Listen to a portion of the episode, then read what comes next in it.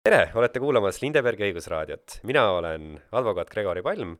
igapäevaselt tegelen äh, kriminaal- ja väärteoõigusega ja selle keskel olen ma avastanud, et ma ei tea kuigivõrd palju millestki muust enam. mistõttu otsustasin teha podcasti, kus ma siis äh, kutsun enda juurde inimesi teistest eluvaldkondadest, mõnikord tõsi küll ka samadest eluvaldkondadest, ja vestlen nendega, et harida ennast eelkõige ja loodetavasti ka teid. aitäh kuulamast!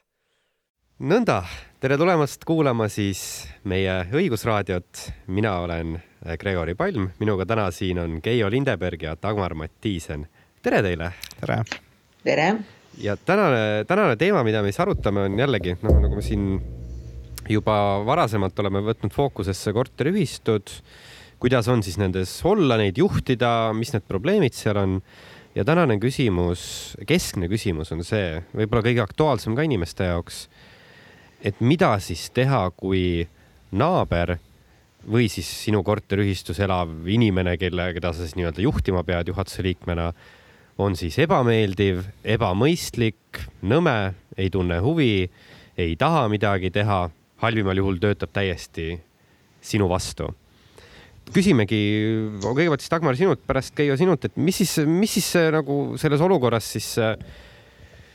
on üldse siin midagi teha või tuleb välja kolida? No need, need on kõik täiesti erinevad juhtumid, kui, kui naaber on, on no ütleme lihtsalt pahatahtlik inimene, olenemata siis sellest, et kas tal on kliiniline pilt või ei ole, siis tegelikult ei saagi temaga mitte midagi teha. et mul on üks näide, kus inimene, kellel oli eraldatud puudetoetus teatud ajaks, siis selleks, et tema puudetoetust pikendataks hakkas koputama äh, radiaatori vastu kella kolmest kuni seitseteist, viisteist ja niimoodi wow. iga päev. kas äh, selle näite puhul ma mõtlen seda, et siin tekib see klassikaline psühhiaatriline küsimus, et kui sa mängid nii agaralt juba hullu, kas siis sa juba iseenesest ei olegi hull? no vot, siin on see, et, et see, need on delikaatsed andmed, ei tea, eks ju. Ja ühistu juhatus pöördus perearsti poole, sotsiaaltöötaja poole. kõik käisid ja ütlesid, et jaa, nad on probleemist teadlikud, aga et seda ei saa teha ja tegelikult ei saa seda inimest ka isoleerida, sest et ta on, tal on see iseseisva toimetuleku noh, võime olemas sotsiaaltöötajatele ka ei olnud vaja sinna saata, sest et ta sai ise poes käidud ja kõikide, kõiki muid asju tehtud. ja selle tulemus siis oli see, et tema seda äh, puudetoetust suurendati. ja nüüd tiivustatuna edust ja tiivustatuna edust koputab ta aeg-ajalt ikka ja jälle. Mm.. ja naabritel, kusjuures see ju kostab mitte läbi, läbi viie korruse, vaid see kostab ka ütleme sinna teise trepikotta. et ähm, no siis oligi see, et, et hakka endale ehitama korteri sisse helis, heliskindlate seintega teist korterit no.. ja ei saa alustada ka, Keijo kindlasti parandab mind, aga ei saa alustada ka sellise inimese vastu seda sundvõõrandamist, sest et on keeruline tõestada, et ta olulisel määral takistab teiste korteriomandite eh, teostamist. see on, see on noh, see on selline, no minu meelest on see lootusetu olukord no vot selles mõttes ma jah, ei tea, et sellist kohtupraktikat oleks, aga lihtsalt kui ma nüüd mõtlen äh,, mõtlen selle elulise situatsiooni peale, et ta nüüd tõepoolest absoluutselt iga päev teeb ja kui ma nüüd tõesti võtaksin sinna ka tunnistajad, noh, mõtleks, et proovida ju vähemalt võiks äh, sundvõõrandamist, ma mõtlen siis. et, et kui ta ikkagi reaalselt äh, kolistab nii kõvasti, et seda on kuulda ka teise trepikotta ehk siis neid nii-öelda kahjustatud isikuid on seal siis noh, me räägime juba mitukümmend ilmselt et noh, veel kord kohtupraktikas sellist, selline vaidlus minu teada läbi käinud ei ole. aga kui inimene, inimesel ka on mingisugune probleem, et ta ei suuda end talitseda ja, ja ta peabki seda tegema või ta tahtlikult teeb seda, noh, ma ütlen, proovida ju võib, ma ei, jah, ei julge lubada, et see läbi läheb, aga noh, olgem ausad, ega mingit muud varianti ka pole siinkohal. ei ole jah, ja siin. korra lihtsalt enne, enne kui siin lasen vastata Äh, täpsuse selles mõttes sel selguse huvides ütlen ka siis, et sundvõõrandamine, eks ole, tähendab seda noh, inimestele, kes sellega ei ole kursis, et nii-öelda tõsta ta siis kohtu kaudu enda korterist välja, müüakse see maha kellelegi teisele, kes siis loodetavasti ei peksa lootusetult radiaatoreid. jah, et äh, see tähendab seda, et võetakse vastu otsus, millega kohustatakse isikut äh, enda korter võõrandama. Kui ta seda tähtaegselt ei tee, siis saabki minna ja ütleme selle sund, sund enampakkumisel maha müüa no seal peab jah kohtust veel läbi käima enne, et seal on, me rääkisime eelmises saates sellest natukene protseduurist äh, täpsemalt. aga, aga põhimõtteliselt jah, et kohus siis hindab, kas, kas see käitumine, kas see probleem on niivõrd suur, niivõrd oluline, et inimene ei saa selles korteris enam edasi elada ja peab enda korteri maha müüma. no seal on ka kaks alust, ongi, üks on see võlgnevus ja, ja teine, mis siis antud juhul on olulisem, ongi siis see nii-öelda tema muu käitumine, vahet pole, kas see siis on see, et ta äh, kolistab, äh, ma ei tea, tekitab tuleohtlikke olukordi, noh, mis iganes ja see ongi alati kohtu hindamise küsimus. ja probleem muidugi on jah selles, et ega kohtupraktika ütleb selgelt, et inimese väljatõstmine, äh, tema nii-öelda kodust ilmajätmine on absoluutselt kõige viimane abinõu aga kui, kui inimesel ongi mingi probleem või ta tahtlikult tahab teisi takistada, noh, siis iseenesest ka kohus peaks ütlema, et kas siis, kas see ongi see talumiskohustus, mida minul kui korteriomanikul ongi siis kohustus taluda, et mul on äh, naaber, kes siis noh, ütleme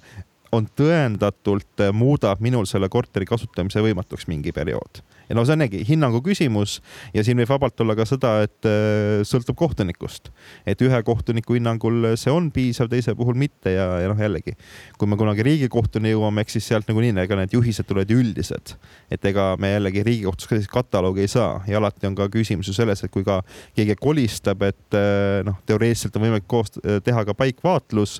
aga noh, siis ilmselt sel, sel päeval muidugi jah, see, see inimene ei kolista tahtsin öelda, vanarahvas ütleb, et ega tollal loll ei ole mm. -hmm. Nad on proovinud seda, et, et tuleks siis sotsiaaltöötajad tuleksid kohale ja siis noh, kuulaksid, kuulaksid oma, oma kõrvaga, aga ta kuidagi nagu tajub seda, et ja siis sellel päeval on ta, on ta rahulik ja vaikne. palju noh, ja, ja selliseid teemasid või pro, pro, probleeme on päris palju. näiteks ütleme nendel vaimselt häiritud inimestega, kes tassivad enda korterisse mm, noh, prügi või prahti. Ja seal tekivad putukad ja närilised. Mm,. siis käib sotsiaaltöötajad käivad seal kohal ära ja ütlevad, et ei, et eh, kõik on korras, et ta saab hakkama, ta saab ise poes käia, ta, ta oskab küsimustele vastata meil on Tartus on olemas selline eh, teenus, et me võime tellida eh, koristuse, ühistud on nõus maksma, tähendab ühistud oma, teised omanikud on nõus maksma selle korteri koristamise eest. aga reeglina need omanikud ei lase sisse või et eh, kui see häiritus, vaimne häiritus on väga suur, siis ühest otsast koristatakse korterid ja teisest otsast ta tasakesi tassib jällegi neid asju sinna sisse et see, see antisanitaarne olukord on väga kiiresti tulemas. natukene lihtsam on siis, kui mm, inimene, no ütleme, see häiritud omanik siis tekitab tuleohtliku äh, olukorra, kaks aastat on Päästeamet on, on, on, on palunud, et andke teada riskikodudes nad käivad ja ja, ja vestlevad omanikega ja vaatavad, et, et kuidas seal selle tuleohutusega on ja teevad järelkontrolle ja, ja noh, kui päästeametnikud juba tulevad, siis tavaliselt nendele vanemaealistele eh, inimestele vormis eh, noored mehed mõjuvad väga hästi. aga, aga ega seal ka seda mm, lõplikult head lahendust ei ole. aga räägime nüüd millestki sellist, millel, millel nagu võiks olla lõplikult hea lahendus eh, uus seadus ütleb, et ühel kinnisasjal äh, saab olla ainult üks korteriühistu. Ja niimoodi on äh, nii mõnigi elamu sattunud korteriühistusse, mis koosneb mitmest erinevast elamust ja, ja nüüd, kui selle mitme majaga korteriühistus keegi tahab oma majas midagi teha, siis kõik need teised maja omaniku või elanikud, omanikud peavad olema ka nende asjadega nõus. eriti raske on vanades ajaloolistes elu rajoonides, kus on kunagi olnud kas siis ühiskorterid või et, et mida siis on tahetud nüüd äh, renoveerima hakata. Ja seal on kaasomandis olevaid pindasid, noh, mingisugused äh, ühised vannitoad, WC-d äh,, panipaigad, mida enam inimesed sellisel moel ei vaja, nagu nad kunagi on ehitatud, kuid mida saaks liita oma korteriomandi juurde. Ja siis peavad need, ütleme, seal on kolm maja, siis kahe teise maja omanikud peavad ka selleks nõusolekut andma. rääkimata juba sellest, et ühele korteriühistule saab võtta ainult ühe pangalaenu. üks maja tahab ennast korda teha, kõik on nõus, võtame pangalaenu. Eh, siis tahavad teised majad ka ennast korda tegema hakata, aga pangalaen tuleb kõigepealt tagastada ja siis alles saab võtta uut laenu. vot need on nüüd küll sellised äh, kohad, kus äh, on raske, vaieldamatult väga raske, on võimalik pika ja piinava tegevuse tulemusena siiski saavutada. ja reeglina on see, et äh, üks-kaks inimest hakkavad vastu ja nad hakkavad kõikidele asjadele vastu, tahame katust vahetada, nad ei ole nõus, tahame pöönikut maha müüa, et saaks kõik kolm maja nagu ära värvitud, soojustatud, nad ei ole nõus, need ei tule notarisse, siis tuleb pöörduda kohtusse, et nad annaksid oma tahteavalduse. Ja siis on, on noh, Keijo kindlasti teab selliseid inimesi palju paremini kui mina, siis on seda, seda venitamise et, et kord on üks üks haige ja siis on, on tarvis esitada lisadokumente ja siis tekivad uued lisaküsimused ja see kohtuasi võib kesta äh, päris kaua aega. ja kahjuks ei saa selliseid vastuhakkavaid omanikke nendest äh, elamutest välja tõsta, see on seesama see sundvõõrandamise küsimus, nendega ei saa mitte midagi teha, neid ei saa karistada ka küll aga neist saab vist häältega üle sõita, et enamusega lihtsalt lendad üle ja teed, teed ära, eks ole. jah, aga vaata, kui on tarvis kõikide omanike nõusolekut ja tema seda ei anna, siis tuleb jälle kohtusse minna, et no, mis juhul peab. mis, mis, mis juhul ühistus on vaja kõikide korteriomanike nõusolekut, mitte näiteks enamusotsust? No parim näide ongi seesama, et tahame näiteks mingisuguse kaasomandis oleva ruumi välja ehitada, näiteks need tüüpilised Tallinnas Nõmmel näiteks need äh, kahekorruselised kortermajad, kuhu tahetakse kolmas korrus peale ehitada, kus on see nii-öelda viilkatus olnud. et, et sellisel juhul me võtame sult sisuliselt omandi ära, loome uue korteri omandi, müüme selle maha ja selle raha eest siis teeme maja korda, aga noh, sa jääd ikkagi omaenda omandist ilma. et mm. me ei saa nagu häälte enamusega võtta sult sinu vara ära, vaid kõik peavad nõus olema. No see on kõige klassikalisem näide okei okay,, okei okay., arusaadav, arusaadav. aga ma siis korra küsin, et see nagu siis äh, tava sihukest päevast päeva operatsioone ta ilmselt meeletult ei sega, kui sul on noh, iga, igal pool on ju alati need üks-kaks vihast, kes on nagu maailma peale kurjad ja mida, millegagi nõus ei ole. aga ma saan aru, et enamus asjad saab ikkagi vist tehtud, eks ole, lihtsalt korterid ei saa välja arendada. no ütleme, probleemid on ka need, kus on tõepoolest väga vähe kortereid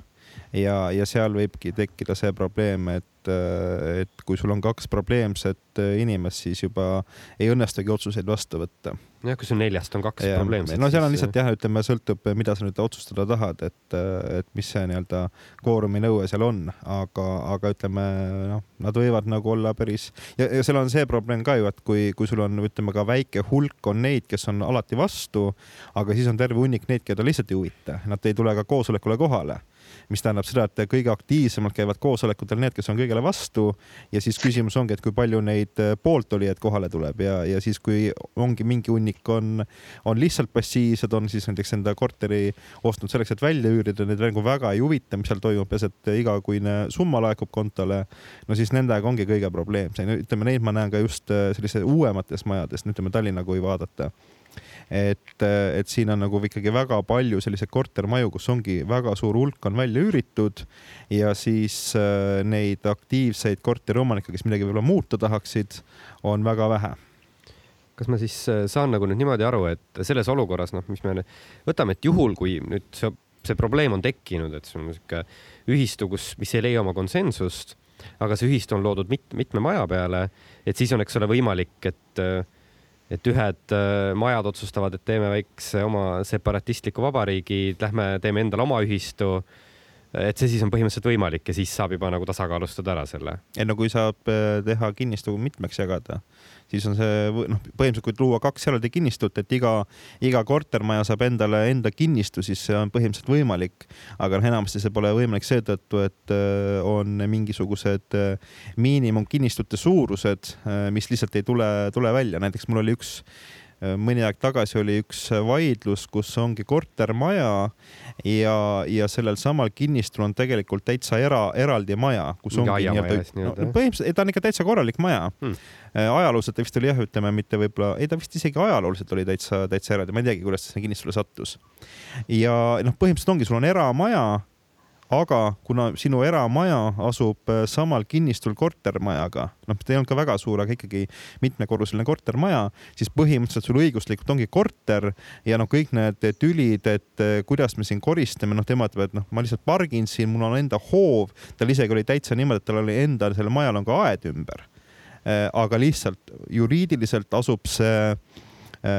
tema enda maja, kortermajaga ühel kinnistul. Äh, see oli ka Kadriorus, seal on ka need kinnistute miinimumsuurused ja miljööväärtuslik ja mis iganes kõik asjad, piirangud veel. ei olegi võimalik eraldi kinnistut luua, nii sellel kortermajal jääks liiga väike kinnistu kui ka tema nii-öelda see ainukasutuses olev ala, territoorium oleks ikka liiga väike. nii et noh, täiesti lootusetu olukord ja noh, põhimõtteliselt nad jäävadki ilmselt sinna tülitsema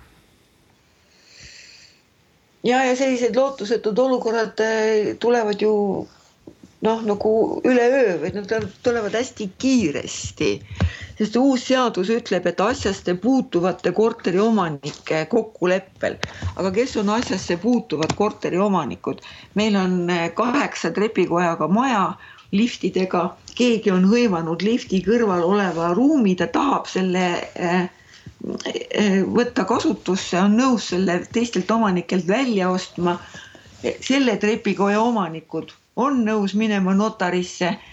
kuuenda trepikoja omanikud ei ole nõus minema notarisse, siis lõpuks tuleb välja see, et neid inimesi, kes on notarisse nõus minema, on palju vähem kui neid, nagu Keia ütles, keda lihtsalt ei huvita, nad ei ole pahatahtlikud, aga noh, nad ei ole selles trepikojas kunagi käinud, neid ei huvita see ja, ja nad ei pea vajalikuks seda, seda pingutust teha, et, et siis notarisse minna ja sellest kaasomandi osast loobuda. ja niimoodi noh,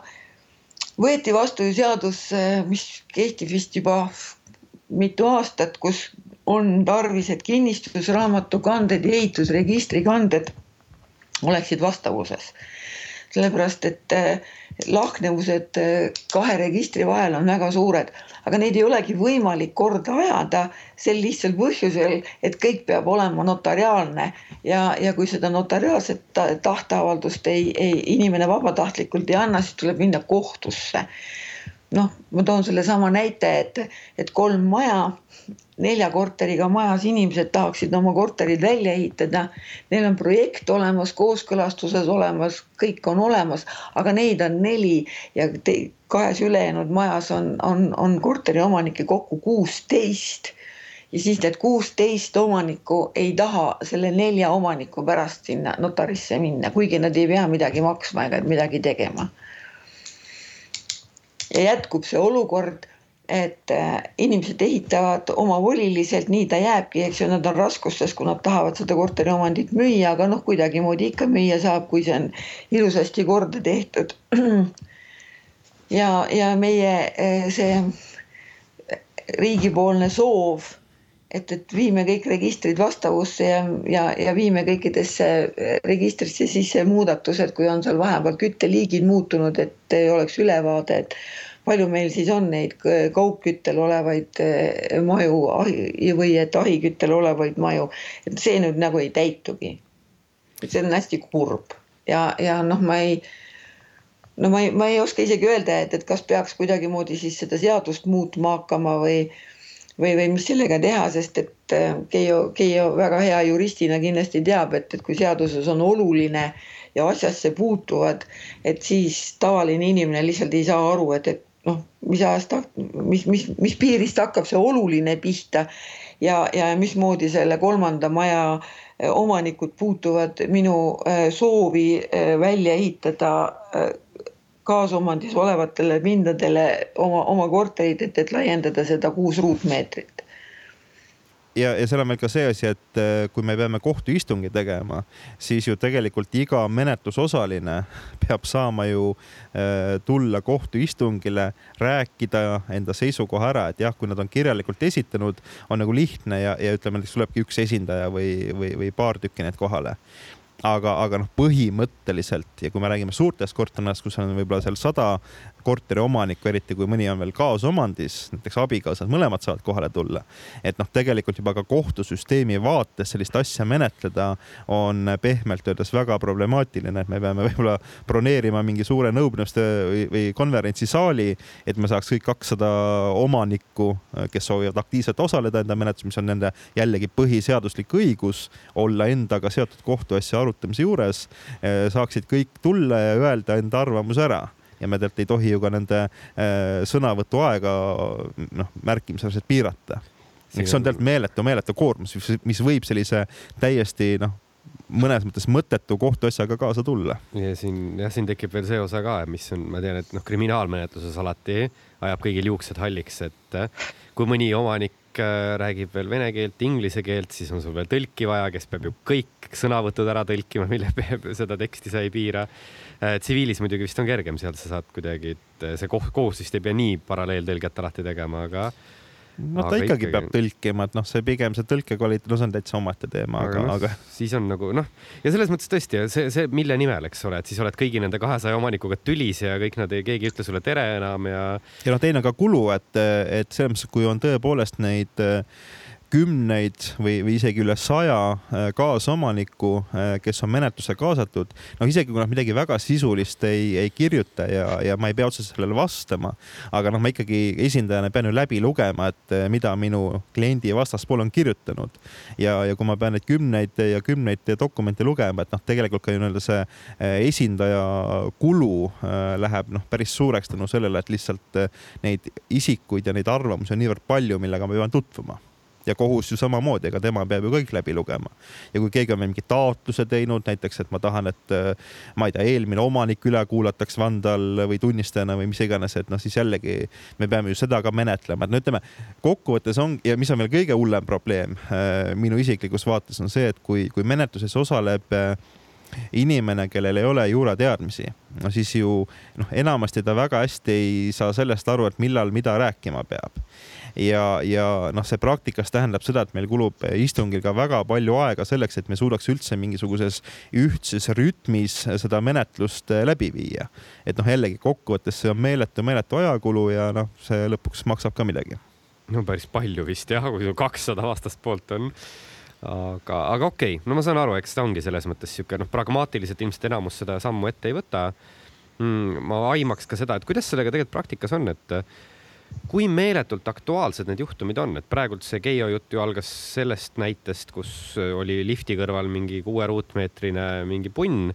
tavaline näide vist on tõesti see, et tahetakse mingit keldrikorrust või pööningukorrust välja arendada. et, et need ei ole ju üüratult aktuaalsed. Need on ikka väga-väga aktuaalsed. Äh, kohe, kui inimeste elujärg on, on paranenud, siis Eesti inimene, kui ta elab linnas, siis ta ikkagi eelistab äh, väiksemat maja, rohelist ja, ja eriti noored pered tahavad Tallinnas ütleme Kallamajas elada, et, et Nõmme käib võib-olla veel üle jõu, eks. ja, ja Tartus ja Pärnus ka nemad võtavad selle, selle tee ette, sest et noh, on ikkagi kaks vahet, et kas sul on korter kolmkümmend viis ruutmeetrit või et sa saad sinna,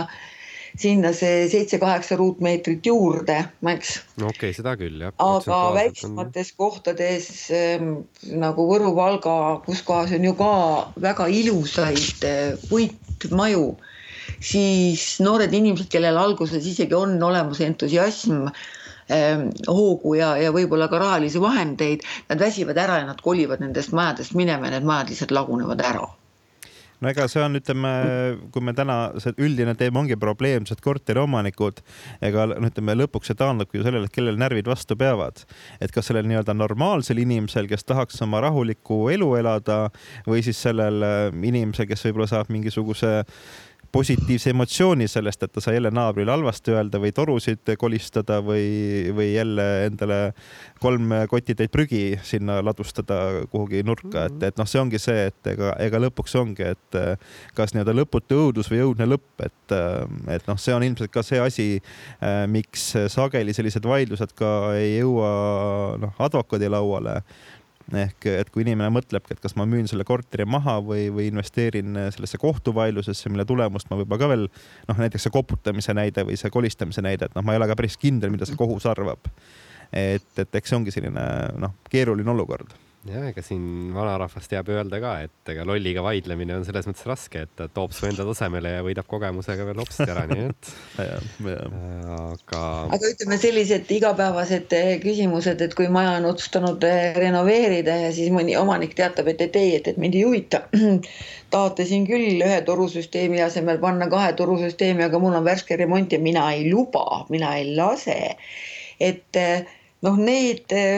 need probleemid noh, päris kohtuni, võib-olla Keiol on äh, praktikat, minul ei ole praktikat, et siis seal on ikkagi, ikkagi see, et, et, et, et lõpuks, lõpuks ikkagi on võimalik sinna sisse saada, küll mitte politseiga, nagu enamik inimesi arvab, vaid, vaid sellega, et, et lihtsalt ehitatakse omanikele arveid tegemata tööde eest ja, või tööde takistamise eest. mm ei no kohtu kaudu saab nõuda jah ligipääsu korterile mingite tööde teostamiseks, aga ütleme jah, minu praktikas ka ma tean, et ühe, ühes vaidluses mul küll vastaspool seda taotles, aga seal lõpuks tegime kompromissi, et see nagu lahendini jällegi ei jõudnud, et aga noh, põhimõtteliselt õigus on jah olemas, et ega kõik need äh, torud ja noh, mis need šahtid jooksevad ju läbi korterite, et ega seal, kui, kui keegi sind lihtsalt sisse ei luba, noh, see ongi nagu juba ehitustehniliselt äh, võimatu vahetada, et, et see on nagu jah, päris, päris suur probleem jällegi ja muidugi võib-olla probleemsem on ka noh, mis näiteks noh, ilmselt need on ka need kortermajad, kus väga palju neid töid ei taheta teha, aga, aga kus näiteks Ida-Virumaal ju hästi palju äh, kortereid on ostetud seetõttu, et saaks Euroopas elamisloa mis tähendab seda, et see korter kunagi omandatakse ja see omanik võib-olla mitte kunagi enda korterit vaatama ei tulegi. ja kui nüüd sellises majas tahta midagi teha, ehk meil on äh, ei ole üldse ligipääsugi või ütleme, me ei teagi, kes see omanik on, kus riigis ta täpselt asub äh, ja, ja kõik muud sellised probleemid, et kui ka kohtusse minna, siis noh, juba see dokumentide kättetoimetamine täiesti võimatu, et noh, ilmselt ma eeldan, et praktikas seal noh, kuna omanikku niikuinii ei ole, siis lihtsalt minnakse sisse ja, ja tehakse ära, aga noh, see selline otsus võib jälle Gregori kliendiks tuua väga kiiresti, et kui on vaja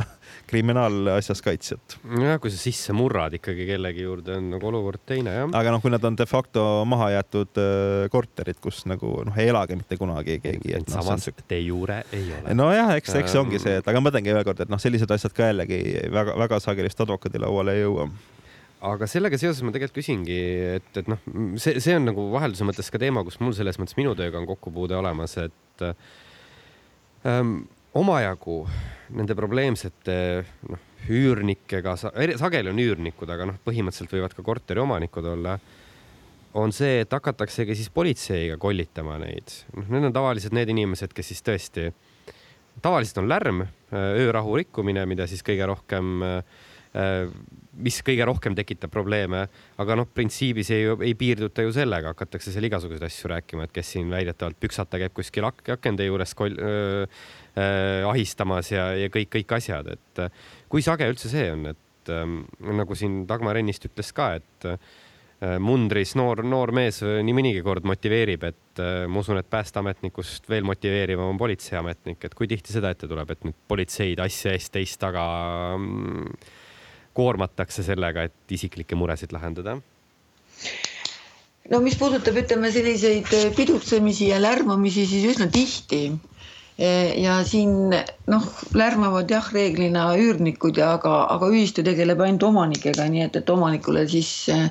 tehakse vastavasisulisi märkusi ja kui see lärm seal jätkub, vot siis lärmiga on võimalik äh, Eh, ütleme, selliste joomingute ja lärmiga on võimalik eh, palju lihtsamini seda korterit sundvõõrandada, kui kui, kui ütleme koputamistega, mis käib täpselt samamoodi närvidele.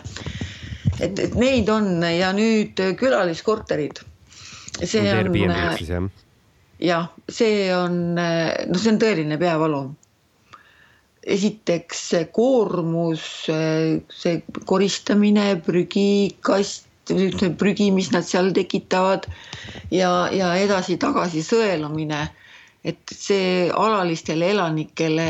ei, ei meeldi ja, ja see ei ole üldse mitte põhjendamatu nurin, vaid see on täiesti põhjendatud nurin, hästi erinevad inimesed. et aga, aga seda ei saa ka ära keelata, nii et kui, kui selline äritegevus selles majas toimub ja, ja, ja kesklinna majades ta on üsna sage, eriti Tallinnas, aga nüüd ka Tartus sellega ei ole ka mitte midagi teha, et ainult omanikke manitseda mõistlikkusele, aga nad teenivad oma külaliskorteritega palju rohkem kui alaliste üürnikega. ja omanikul on õigus teenida oma omandi pealt tulu. see on nukker, aga võib-olla Keia oskab siin midagi asjalikumat öelda kui jätan nukker nojah, eks, eks see ongi selline väga keeruline olukord, et, et, et seal on juba ka see teema, et ega ma ju naabrina ka väga täpselt ei tea, et jah, ma näen, et inimesed vahelduvad seal korteris, aga võib-olla mul käibki väga palju külalisi. Aga jah, et ega nii-öelda väljaüürimist takistada ei saa, et noh, teoreetiliselt jah äh, on ju võimalik niimoodi, et kui me korter, korteriühistu asutame, teemegi niisuguse kokkuleppe, ma ei mõtle seda häälteenamust, vaid tõepoolest kõik lepivad kokku. ja kui sellisel hetkel õnnestub nagu mingi kokkulepe vormistada, noh, mõtlen õiguslikult, ma ei tea, et sellist asja oleks kunagi testitud kohtusüsteemis vähemalt aga kui keelatagi ära selline kokkuleppeliselt väljaüürimine või, või ma ei tea, noh, mingites riikides on, et väljaüürimine eeldab kas siis juhatuse nõusolekut, midagi sellist, et noh, ma mõtlen teoreetiliselt sellist konstruktsiooni võib proovida, aga, aga noh, muidugi väga suur tõenäosus on, et kui, kui, kui see asi kunagi kohtusse jõuab, siis ongi, et aga noh, sellist asja ju kokku leppida ei saa, seadus seda otseselt ei võimalda ja see ongi tühine ja tee, mis tahad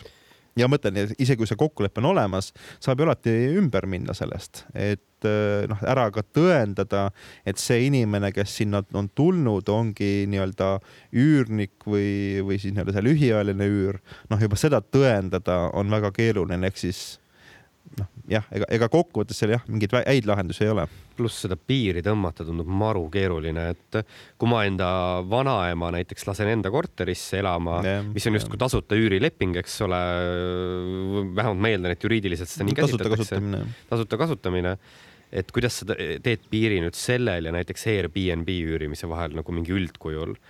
ja no lõpuks tekib ka ju see olukord, et okei okay,, me tuvastame ka mingisuguse kokkuleppe rikkumise, oletame, et see kokkulepe on ka kehtiv, mis siis edasi saab, et et ega lõpuks ongi siis see, et ma pean hakkama seda korterit sundvõõrandama, aga noh, kas see nüüd on selline rikkumine, mis õigustab sundvõõrandust, siin ma olen nagu veel kahtlevam.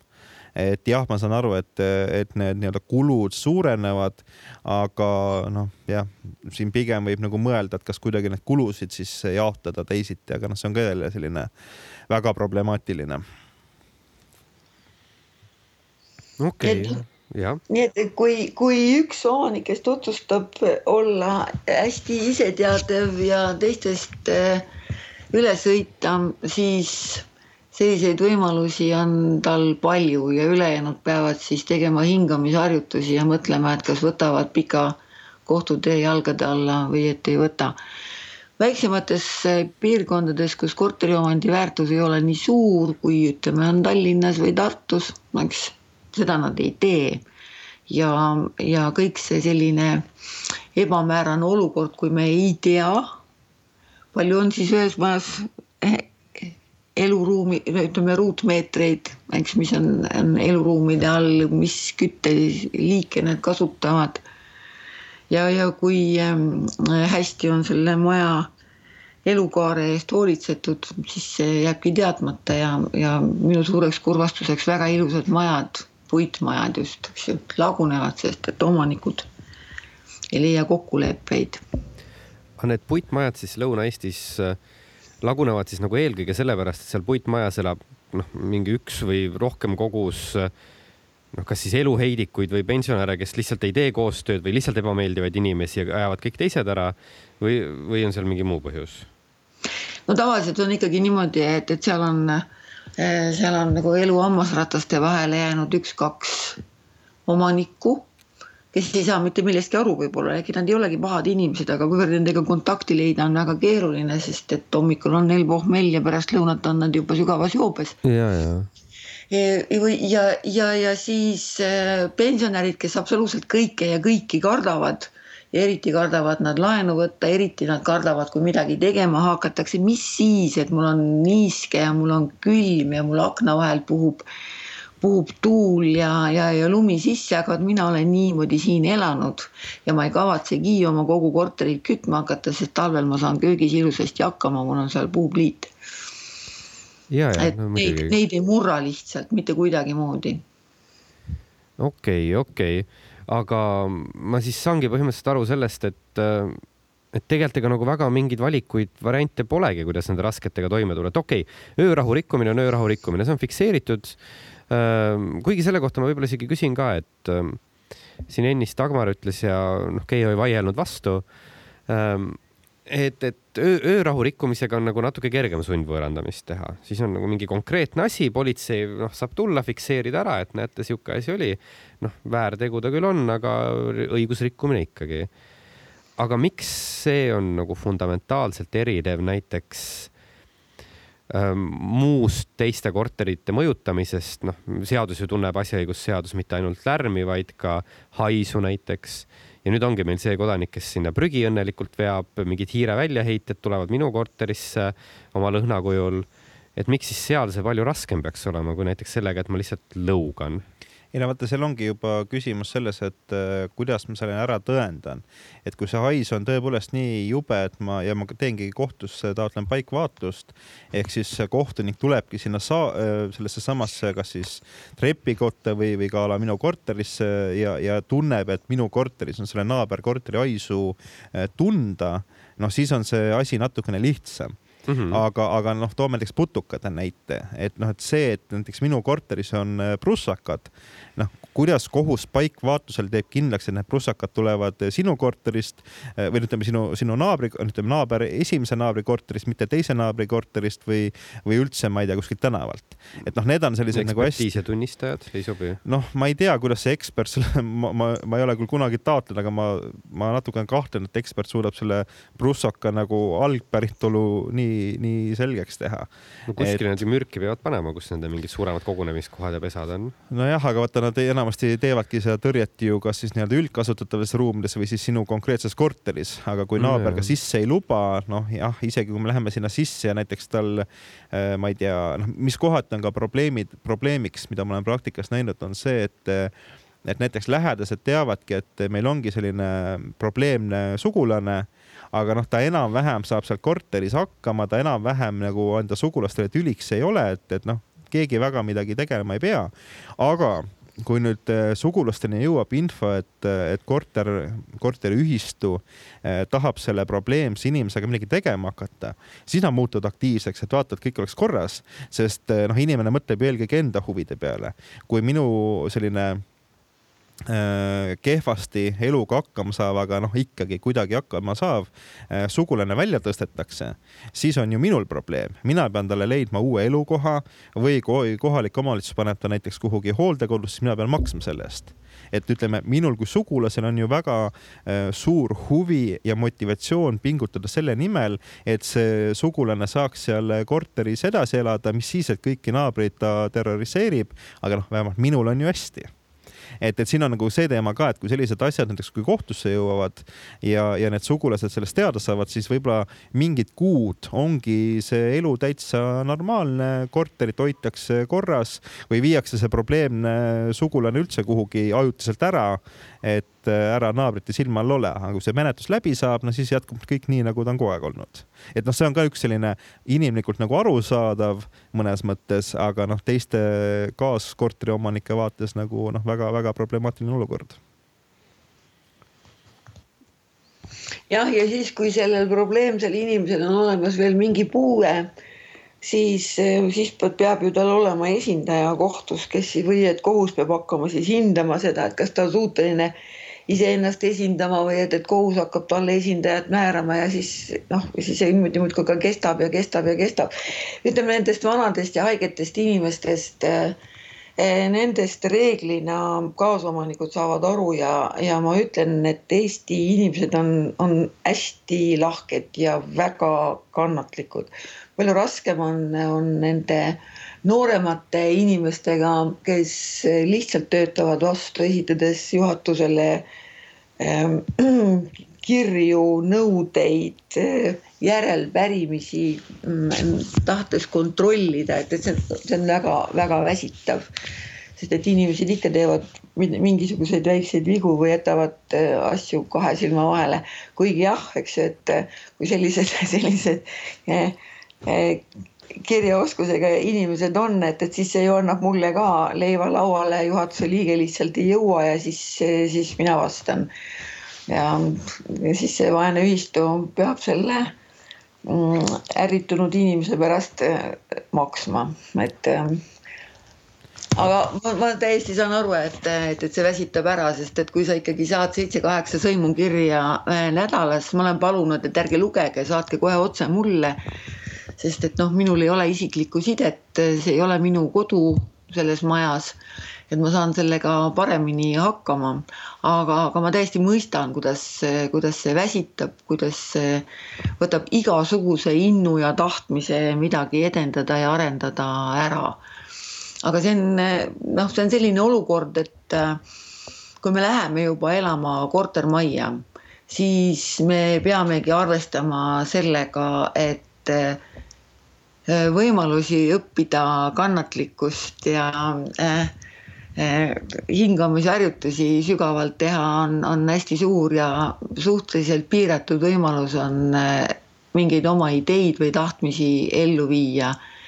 nii tempokalt, nagu parasjagu meile tundub hea ja õige ja kui nüüd siin mustades toonides jätkata, siis, siis üks teema, millest me tegelikult ei ole täna rääkinud või, või, või nii selgelt välja toonud, on ju ka see, et kui mina enda korterit müüma hakkan, noh, mina kui see nii-öelda hea, hea naaber ja, ja mõistlik inimene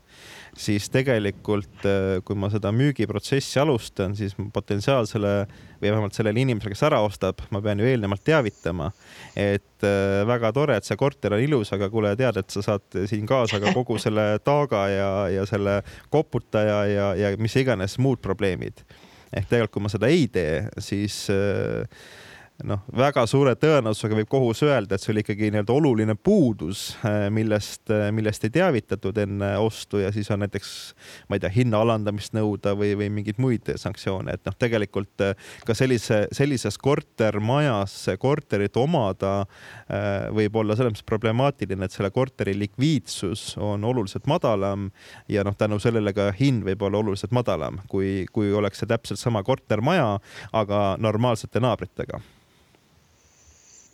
jah, see on väga-väga valus küsimus tõepoolest, et ja, ja siis ei saa seda omanikku, kes tahtlikult on minu korteriomandi väärtust vähendanud, ei saa kuidagimoodi ju vastutusele võtta. nojah, et see on talumiskohustus, et kui sa oled tõesti selle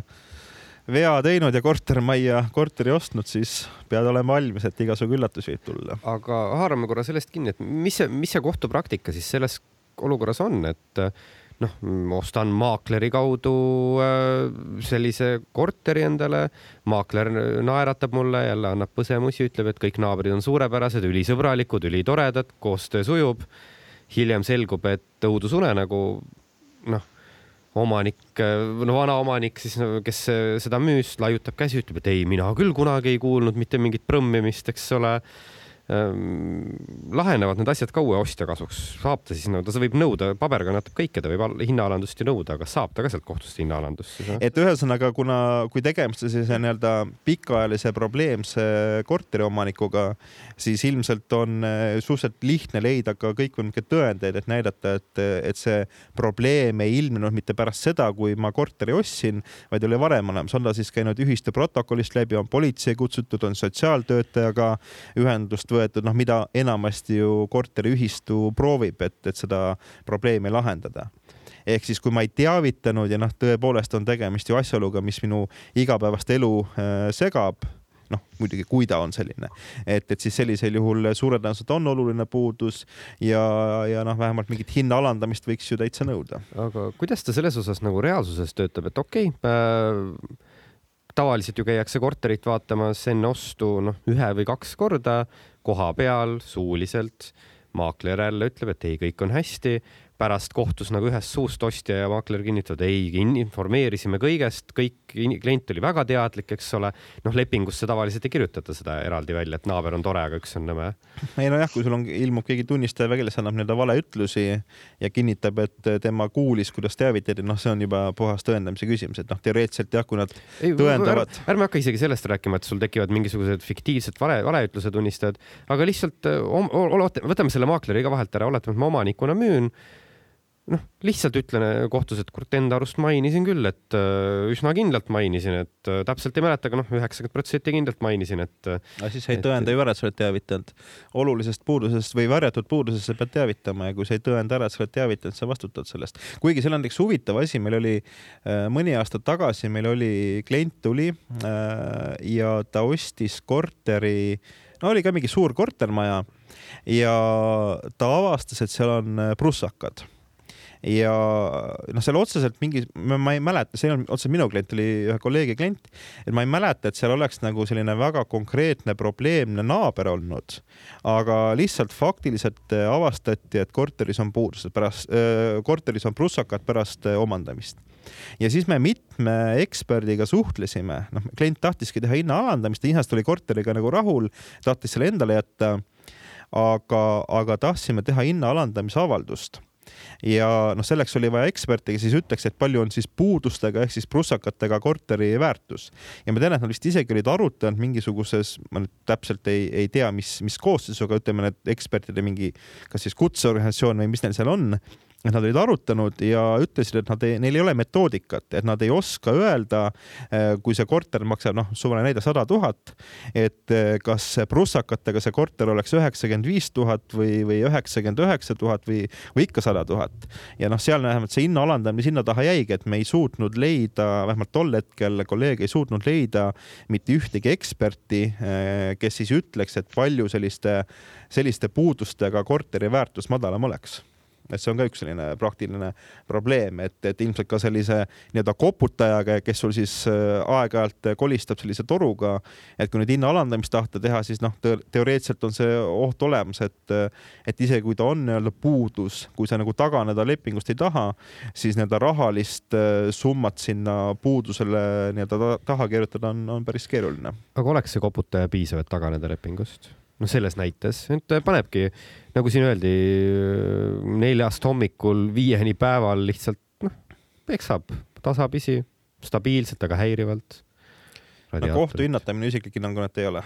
et ei saa taganeda, jah? no ta on, no ma mõtlen, see sõltub asjaoludest, et. ja, ma küsingi nagu pigem üld, üldist hinnangut, ma ei tea, mis su enda isiklik hinnang on, aga ma ei tea, mulle pigem tundub, et noh, ilmselt ta ei või noh, ma ei, ma ei tea ka, aga mõtle vaidlust ma ei tea, et oleks kunagi kohtus olnud, aga mulle isiklikult tundub, et see ilmselt nagu taganemise mõttes võib-olla päris piisav ei ole. Dagmar, kas sul on mingi konkureeriv arvamus või kuidas sul see kõhutunne ütleb selle koha pealt? ei, no ütleme selles, selles konkreetses majas, kus kohas see inimene koputab, äh, et noh, seal inimesed ikkagi müüvad oma korterid maha, see on niisugune tavaline paneelmaja ja, ja nemad on küll teavitanud uusi ostjaid ja on, ütleme keskmisest Annelinna äh, ruutmeetrist odavamalt neid müünud, noh ilmselt lihtsalt sellepärast, et vaata, kui sa tuled õhtul koju ja sa oled väsinud, eks. ja siis keegi tambib kogu aeg. aga ta lõpetab enne, enne südaööd või enne seda öörahu lõpetab selle tampimise ära, aga sa kogu see aeg, mis inimene on kodus, kui ta tahab puhata, sa kuuled seda tampimist. Mm. -hmm no on ju tegelikult ka need äh, kroonilised remonditegijad, kes no, põhimõtteliselt, kui öörahu hommikul lõpeb ja, ja kuni selle ajani, mil öörahu õhtul äh, algab, siis sel ajal lihtsalt puurivad. et ma mäletan isegi mul, äh, see oli ka vist ühe kolleegi asi, kus kus klient arvas, et äkki ta on mingi betoonpaneeli endale sinna eraldi korterisse toonud, mida ta siis vahet pidamata puurib, et, et tundub, et nagu selles korteris endas nagu enam ühtegi tervet seina ei ole, et, et, et oleks üldse füüsiliselt võimalik nii palju järjest puurida. ja ma olen ka mõnes korteris elanud, kus mul on siuksed vennad olnud, ma ei tea, mida nad seal teevad, aga kogu aeg puur käib, see on nagu muljetavaldav mõtlesin ka, et nagu vahelduse mõttes kasuta kruvikeerajat, kallis inimene, tee midagi muud näiteks. et noh, see ongi selline nii-öelda hästi-hästi keeruline olukord, et aga noh, teisest küljest jälle keegi mul ju remondi tegemist ka takistada ei saa, et et kui ma tahangi iga päev endale, ma ei tea, uue, uue. eks. jah, jah, et, et no eks see ongi selline, et ega ka kohtul on hästi raske öelda, kus see piir täpselt nüüd läheb mm. -hmm ja, ja, aga ma arvan, et äh, tänane see osa tuli mõnevõrra pessimistlik, kurb, äh, ei olegi midagi teha, aga kui meie õiguslik reaalsus ongi selline, ega siis äh, ei tas-, ei tasu selles mõttes ju hakata siin nüüd halva mängu juures head nägu ka tegema, et. aga noh, mina ütlen, et iseenesest meil ikkagi on suhteliselt vähe kohtupraktikat äh, selles osas, et mis hetkel ma saan nõuda korteri sundvõõrandamist. et jah, ma saan aru, et seda on nagu hästi halb soovitada, sellist nii-öelda riskantset kaasustega kohtusse minna ja noh, võtta see risk, et tuleb kulud kinni maksta. aga noh, mida rohkem neid asju kohtusse jõuab ja mida rohkem neid lahendeid tuleb, noh, seda suurem on ka lootus, et äkki meil kujuneb välja mingi selline vähe põhjalikum kohtupraktika, kus pannaksegi need piirid paika ja noh, võib-olla siis see olukord äh, paraneb. sest noh, täna meil see õiguslik regulatsioon on ju niivõrd äh, ikkagi värske ja, ja seda ei ole nagu noh, neid asju niivõrd vähe kohtusse jõudnud, et selle olemasoleva väga minimalistliku kohtupraktika pinnalt noh, ma mõtlen, ma ei julgeks nagu väga selliseid äh, konkreetseid järeldusi teha, et, et pigem ma ütleks seda, et meil on vaja kohtupraktikat juurde aga jah, kahjuks sellistel piiripealsetes äh, vaidlustes see risk muidugi on, et, et kui kaotada, siis, siis kogu see kulu tuleb ise kinni maksta, aga kui võita, siis jällegi elu muutub palju inimlikumaks loodetavasti. Jah, ja neid probleemseid korteriomanikke on ikkagi suhteliselt vähe võrreldes kõikide teiste korteriomanikega, kes on, kes on, kes on normaalsed. kuigi ma ikkagi pean ütlema seda, et igas majas on oma hull ja lohutan kõiki inimesi, et noh, selge, et tegemist on terve organisatsiooniga, on poolt, on vastu ja on hull